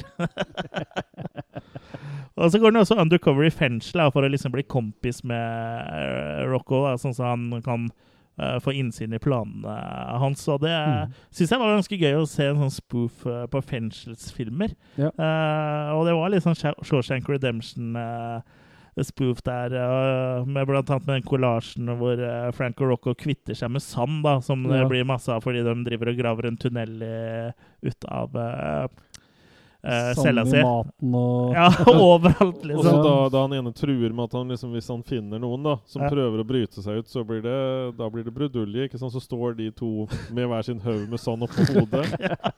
Det er bare sånn Ja, ja. Ja, og så da vaktene går forbi, og så, så har de satt sånne utstillingsstokker der. ja. ja. Og hånda detter Det er etter altså detter av det idet du går forbi. Ja, ja. Det er verdens beste tagline i filmen her, da. A mad bomber is on the loose, and if anyone can stop him, so can Frank. ja, det er bra. Ja. It is Frank, det er So Ja. can Frank. Ja. Det er også morsomt i dusjen her, da. En typisk sånn eh, fengselsfilmtrope er jo at det er eh, farlig å dusje. Og I hvert fall å plukke opp såpa. Og der er det en koselig røver som har lyst til å ta uskylden til uh, Drabin. da. Mm. Uh, kjører det klassiske trikset hvor å miste såpa og ber ham om å plukke den opp. Og Frank han er hjelpsom, han, og bøyer seg ned. Og så sklir håndkleet seg og viser da et kyskhetsbelte som overgår uh, Det fra er Robin Hood Men in. Tights. Ja, ja, Mm. Ja, så det er jo Jeg syns det er jævlig morsomt. Altså, her er det jevnt over mye mer parodier på filmer eh, som er i sånn eh, eh, contemporary, altså en, Mm. eh, i samme samtid som eh, denne filmen. Har jo blant annet uh, åpningsscena, som er parodi på uh, The Untouchables. Altså Ja, ja. Shawshank Redemption, som jeg nevnte. Thelma and Louise, Jurassic Park, Mm. Beavis and uh, Butthead. Og, minst. Og så er det jo Star Wars i åpningsscena med med bøtte, heter det? Ja, den, uh, Sirene... Ja, den sier saftblander Ja. uh, kjøresekvensen. Der har hun faktisk brukt materiale fra Star Wars, Ja. ser det ut som. Så Ja. han har sikkert fått uh, blessing fra George, da. Mm. George Også- uh, Malik Leslie Nielsen, da. Ja. Så åpningsscenen jo- her òg er jo veldig gøy, den som er uh, en parodi på Brian De Palmas The Untouchables, hvor de, de da må Ja. å hjelpe eh, barn ned trappa, men som er, egentlig er på en sånn stakeout for å liksom få tak i en bad guy, og så Mm. kommer det alle blir liksom opptatt med barnevogner da, når eh, den de, endelig, når den de venter på, endelig kommer. da. Og så selvfølgelig skjer jo alt mulig annet også. Det er jo postmenn som skyter, og det er terrorister og gressklippere som Ja. jager på Ja. Og så står Nor Nordberg står i nederst og tar imot babyer som spretter ut av vognen. Ja, for han er jo uh, mest kjent som amerikansk eh, fotballspiller på den tida der. Mm. Nå er han jo mest kjent for en som drepte eh, kona si og elskeren sin og kom unna med det. Og det, det husker jeg ikke helt hvor det var i den filmen, her, men et eller annet sted hvor de nevner Mm. at han eh, De nevner en eller annen som drepte eh, eh, kona si, og så står han der og bare hm. Så bare OK. Stemmer det. Ja. Jeg husker ikke helt hvor det var, men det, det jeg bare tenkte bare OK, den eh, Jeg vet ikke om det er bevisst gjort sånn, eller det skal jo kuliminere i at de skal prøve å bombe Oscar-utdelingen. Ja. Hvor de da har med masse eller sånn tullete eh, tekster på Eller tullete titler på filmer, da. ja. Og det er ganske morsomt. da. Du- Mm. Geriatric Park, eh, blant annet. er en, uh... gamling. ja. Ja, ja jeg, syns, jeg syns egentlig filmen kanskje faller litt grann når vi kommer til den Oscar-uttellinga, for der syns jeg ikke jokesa er like bra som eh, resten av filmen. Men det er jo noen bra. Jeg syns de beste jokesa der er, som du sier, i de filmklippa som vises under nomineringa, sånn som Mm. Geriatric Park og, og sånn. Mm. Så er vi med den der klassiske den der 'Cigarette, Yes, I Know'. Den er Ja. med i alle, tror jeg.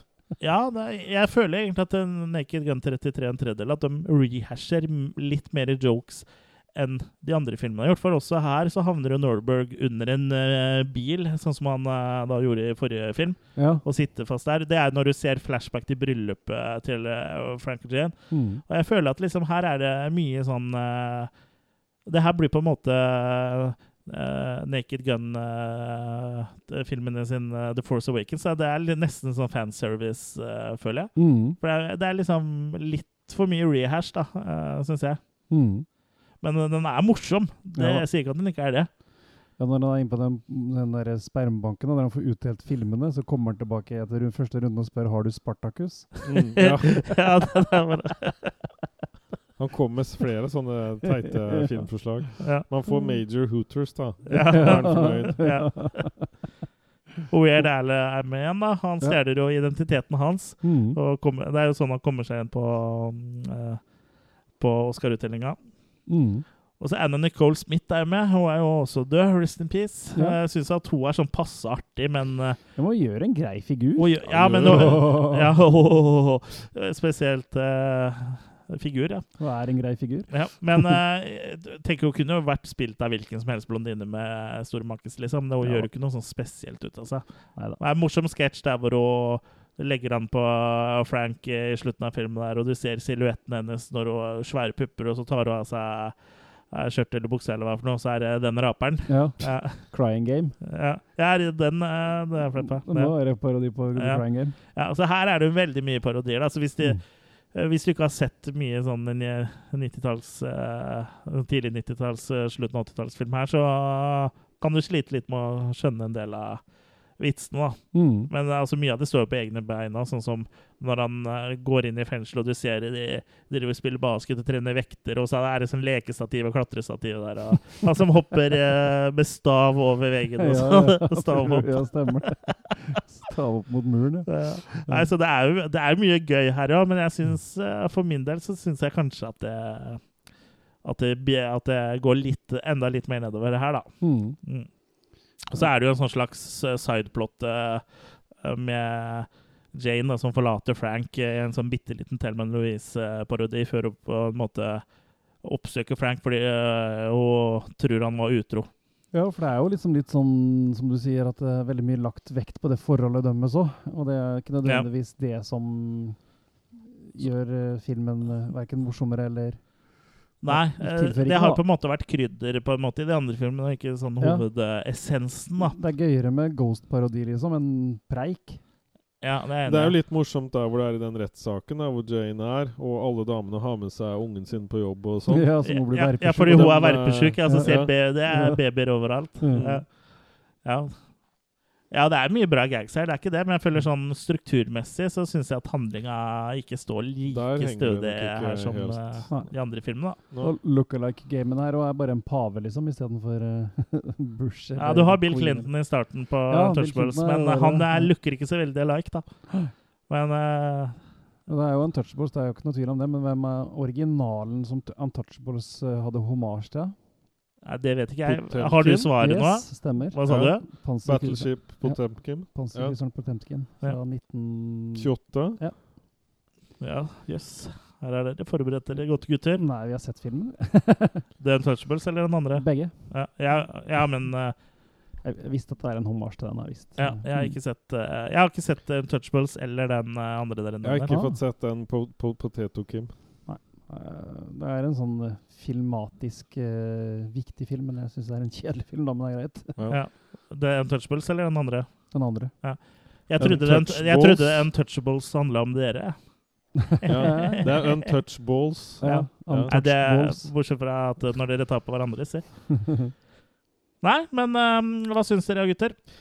Jeg er enig med deg at det her er eh, nok et steg ned for meg. Det er ikke Ja. så kult med Pia Sadora med den der wiggen og Drabin flyr rundt der og skal danse og opptre og synge og fjase rundt på Oscar-scenen, liksom. Den mangler vel et fundament. Ja, og der er, syns jeg de drar gagsa litt, kanskje litt langt igjen sånn sett. da. At Ja. det, det blir veldig mye ståk på den scenen, blant annet. Ja, de drar litt langt. Det blir litt for tegnefilm i forhold til de andre, syns jeg. Det er Ja. liksom eh, Det er ikke den balansen. Det bikker litt over. Mm. Men altså, jeg ler, og det er en uh, blant de beste crazy-komediene fortsatt. Men uh, Ja da, han er nok langt over det meste av det som kommer i etter, ettertid, da. Sånn, Ja. I hvert fall på 2000-tallet oppover. Det er vel en grunn til at det er blitt så mye kopiert, Mm. ja. vil jeg tro. Ja da. Men eh, absolutt en Det har morsomme ting, eh, men samtidig veldig tynn i at han ikke står liksom Det er, det er vitsing, det er humor, det er, det er ting der, men så liksom på en måte det, det, det går ikke inn i en helhetlig struktur, da, Men jeg. uh, nok om sexlivet ditt. Hva syns du om Naked Gun 33 tredjedel? Ja, uh, Det jeg også har hørt, er at 33 og en tredjedel er den faktiske hastigheten på en uh, platespiller når den står på 33. Mm. Det er også okay. en sånn fakta. Ja, det var jo artig fakta, da. Ja. Sant det. Mm. Ja, du har målt? Ja. Ja. Stå på platene. Ja. Nei, jeg, jeg syns jo den er morsom, liksom. Men um, er når ikke tynn. he, i forhold til de andre, så er den jo tynn. Men hvis du sammenligner med eh, Scary Movie 4 og 5, så er den jo et mesterverk. La oss si Mm. jeg skjønner hvorfor de hadde med Nicole Smith. For Ja. liksom ha noe stort. To store. Mm. Og jeg syns, syns dere egentlig hun er så sjukt eh, deilig, liksom. Det var mye andre damer som var deiligere på den tida, syns jeg. Hadde, Definerte ha- vel mye 90-tallet. Erika E- Eleniak, hadde jo ikke sagt nei. Pamela Anderson Nei, men hvem hadde du sagt nei til? du, du har jo, du har du- jo ligget med Moskva-Marit, eh, Kurt. Men, men Kurt, var ikke du hypp på han eh, mannen som hun var gift med til sist? ja, han, ja. Hun fikk jo aldri tak i pengene hans heller. Nei. Selv om han døde først. Jeg tror, jeg tror Anna Nicole Smith sitt liv tror jeg har vært dypt tragiske greier. det har jeg i hvert fall fått inntrykk av, Ja, uten at jeg er noe sånn veldig Jeg har hørt noe om det, at det var ganske mye ja, Ja. depressivt og Ja. litt Marilyn Monroe, egentlig, på mange måter. ja, Og har litt sånn Marilyn Monroe-look òg. I hvert fall eh, hadde hun det i storhetstida på 90-tallet. Ja, Marilyn Monroe kryssa med Samantha Fox. Men, men Ja, hun startet da- hun- Da er du med. Og er det, med. eh, det, var det som mye var eh, Det var jo de plakatene Var det Hennes og Maurits? Ja. Ja, som hadde plakater som de, de måtte fjerne dem til slutt? Ja, folk kjørte av veien og og sånn. Og stjal dem. Ja. Så Kurt hun, eh, tapetserte jo Ja, gutterommet med Ja, det. absolutt. Og så tapetserte han etterpå også. Han måtte jo ha noe lim for å Ja, få tapeten til å jeg gikk vel på videregående under den tida her, eh, og da Først var det liksom Da husker jeg vi kopierte liksom sånne GIF-filer, eller eh, jeg, tror ikke, jeg vet ikke om det var JPEG nesten en gang da. ja, jeg, Nei, jeg husker også jeg og en kamerat vi satt og så på bilder av sånne damer, ikke hardcore porn, men sånn, mer sånn modellbilder, på hans Amiga 500. Ja. For her var det liksom da halvnakne damer på diskett, husker jeg. Ja, det var det vi gjorde. Da var det liksom Anna Nicole Smith, Ja. og det var Cindy Crawford og Pamela Anderson og de Ja, damene der. men det var liksom det som dro opp, eh, husker jeg, det var når Nicole Smith kom, liksom. Da det var dro liksom den noe annet enn en Cindy. Ja. Ja, men du likte ikke Cindy. og- Nei, men hun, hun, hun banka jo hun fullstendig, sånn i Mm. forhold til Maki. Ja, ja, for det er kun eh, Det var Makiene som var det eneste. Makene var tungtveiende, Ja, for å si det sånn. Hun skapte bølger. Ja. Men over til uten vest. Naked Gun 33 en tredjedel. The Final Insult. Ja. Mm, nei, jeg kan godt eh, kaste maker på den jeg nå. eh, Ja, og da kast, gjør det nå. kaster jeg tre på den, for nok et skritt ned fra forrige. Så da blir det naturlig å lempe det ned på treeren. Ja. Jeg eh, er også på treeren, eh, men velger å være litt positiv. da. Også, det var jo en del eh, Det var jo noe morsomt der, så jeg sier tre pluss, da. Ja. Mm. Jeg tror jeg jeg tror jeg er biased, jeg også. For jeg, jeg sier at jeg syns den er den minst morsomme av dem, men jeg gir den fortsatt makehos fem. Ja, men det er svak, svak femmer, Ja, da. Femmer, da. Endelig en Så- eh, liten svak en. ja. Ja, åhåhå. Jeg skal få en liten svaken etter innspilling. Da. Jeg, skal ha det sterkeste du har. Ja, det er, det- er det samme som en liten svaken. en. Pål, Pål, bare skriv tre på alle sammen, OK? Gjør det, Pål. Ja. Tre på alle, ja. Mm. Nei, jeg har nok et litt uh, veldig sånn nostalgisk uh, forhold til, til disse filmene her, som, eh, var som denne påvirker det. Det var den jeg huska minst ifra òg. Det var nesten som å se den på nytt igjen. For jeg hadde glemt hele filmen. Jeg huska alle ganske bra, men eh, det er nok eneren som sitter best, for det er jo det som er den beste filmen. Det er klassikk, og det er den som Mm. er mest tro mot den gamle Police Squad eh, også. Ja, Ja. i Man da, ja. Mhm. Mm. Selv om de mm, har gags i, i alle tre som er henta fra TV-serien. Ja. Men hvor uh, Men uh, treeren er den eneste som rehasher gags fra de andre filmene. Det syns jeg det blir litt dumt. ja, jeg. I hvert fall, mm. hvert fall sånn med det Ja, det det blir nesten sånn fanservice. da. «Åhå, Se, han er under bilen igjen, akkurat som han var Ja. i forrige film. Men det syns jeg ikke blir så gøy. I hvert fall ikke når du akkurat har sett den forrige. Kanskje det er det der? Jeg vet ikke. Kan det var Ja, kanskje det var gøy når det var eh, tre år siden du hadde sett det sist. Men hvor mange Hvor lang tid tok det fra dere visste at den var bygd på Police Squad, fra dere begynte å se Naked Gun? Eh, Lenge etterpå. Som Ja. sagt, jeg fant en, vi en videokassett med Police Squad-serien. Tre av episodene på en VHS i en kiosk som jeg Mm. kjøpte. Mm. Altså, jeg kjøpte VHS-en, ikke kiosken. Jeg kan ikke huske når jeg så TV-serien først, men det var etter filmen, ja. Det var det. Mm. Ja. Jeg jo fant ut det en Mm. god stund etterpå. Mhm. Ja, så det, det var jo en åpenbaring, og Police Squad òg har jo veldig mye bra vitser. Jeg kan jo nesten eh, love at vi kommer til å ha en egen episode om Police Squad. For foran der på Police Squad eh, så står det jo Donut Cross. Ja. Ja. ja, det er på den DVD-coveret, da. ja. Ja. Mm. Men uh, ja. Det kommer en Police Squad-episode, men det er ikke neste episode. men hva neste episode er, får vi ta litt senere. Men ja. Og, uh, sånn helhetlig så er jo det Naked Gun uh, kongen av crazy komedier. Mm. Det er jo kanskje Hotshots kan jo nærme seg. Ja, og Airplane. Ja, og uh, Mel Brooks-filmene også. Noen av hans er jo Ja, ja. meget, meget, meget bra. Absolutt. Så ja, gøy gjensyn. ja. Ja. Hyggelig gjensyn. Yes, Og neste episode, gutter, hva da hva kan vi, Skal vi kile lytterne litt grann på pungen? Tar du fram vi- en lang fjær nå, Jørgen? Og så Ja, kan du skal vi fortelle på hva vi skal snakke om? Ja, vi gjør som Norge gjør. Vi åpner skolen igjen. Ja, det gjør vi. Skal vi. tilbake på barnehagen? Ja. altså ikke sånn, misforstå meg rett. At Nei. vi skulle liksom begynne i barnehagen igjen. Nei, du skal gjøre annet i barnehagen, ja, din gris. ja, men Jørgen Nei, har sånn skal altså. Jørgen får ikke lov til å gå nærmere 500 meter, han. Uh, Jeg har ufeilbarlig politiattest. ja, ok. Ja.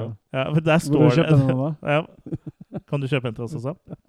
Hvilke uh, filmer skal vi snakke om, eh, Jørgen?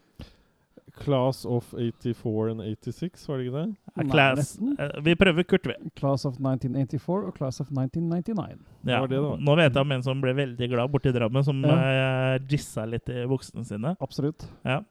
Så ja, vi gleder oss til at han jisser i buksene når han eh, hører på neste episode. Men vi episode. tror det ikke hvis ikke vi får tilsendt buksene. Nei, send det til Jørgen Foss Jacobsen, Sarpsborg. Det her skal Det kommer kontrolleres. fram da, hvis du gjør det, tror jeg. Ja, det tar bare litt lengre tid i disse koronatider. Fossen Ja. er så treig. Så det kan godt hende det Ja, De laserdiskene jeg fikk i posten i dag, ble, nå har det vært påske, da, men de ble sendt 6. april. Ja, ikke sant? Ja, nå er det jo i slutten av april. Mm. Ja, nesten. Og Hvilken dato er det da? 7.? 21. Mm, når vi spiller inn. Du spiller inn. Det tror jeg folk skjønte. Vi har ikke limt inn datoen. det heter det. Men ja, eh, ellers eh, så fortsetter du disse koronatidene. da. Åssen mm. Går det med dere i eh, koronatiden? Jeg har ikke helt brakkesyke ennå. Nei. Nei. Det er, du er jo det, Alle vi er jo i jobb. Jeg har jo også hjemmekontor, stort sett. Men på en måte Man har jo noe å gjøre, da. Det hjelper jo litt, Mhm, eh, i mitt tilfelle i hvert fall. Ja. Også at man kan være allergisk. Ja, jeg er litt allergisk. eh, Det også Mot bruker jeg litt tid sånn. på nå. Ja. ja. Så lenge jeg må holde meg to meter unna dere, så går det bra. Jeg kan Ja. ikke høre på en sånn islandsk uh, popstjerne for tida nå. Kropp, kroppslukta di gjør jo sånn at vi automatisk holder oss minst to meter unna. Jeg er spent på islandsk og bjørk. Ja, Ja. Ja. Det tok faktisk tid. Okay. Ja, jeg skjønte den ganske raskt, faktisk. Vet du hva, Jeg holder meg ganske unna Bjørk i utgangspunktet. Det er slitsom musikk. Det er sånn musikk jeg får vondt i hodet av. Men den, den filmen du er med i, er jo ganske bra. Dancer in the Dark. Mm. Aldri sett. Lars von Trier. Høres ut som kunstfilm. Driver du med det? Det er nok det. Ja. Men jeg, jeg ble sånn brainstorma hvem islandske popstjerner. Jeg tenkte Eirikur. Nei, det kan ikke stemme. Nei, Bjørk er litt større enn Eirikur. Eirikur. Ja. Ja, det, det, det er stygt å sitte og si på en podkast. Men ja.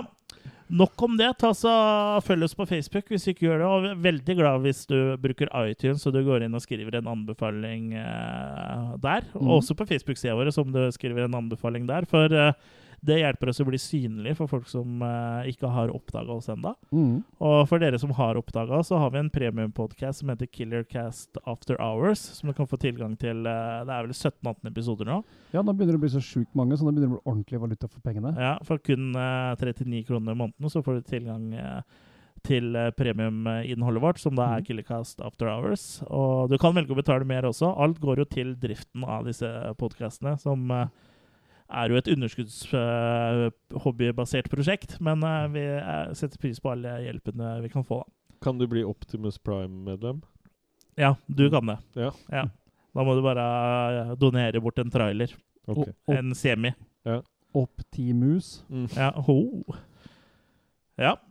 Men eh, er det noen som har noen sånn avsluttende kloke ord å komme med, eller? Jørgen, du har sikkert noe lurt. It's Enrique Palacio.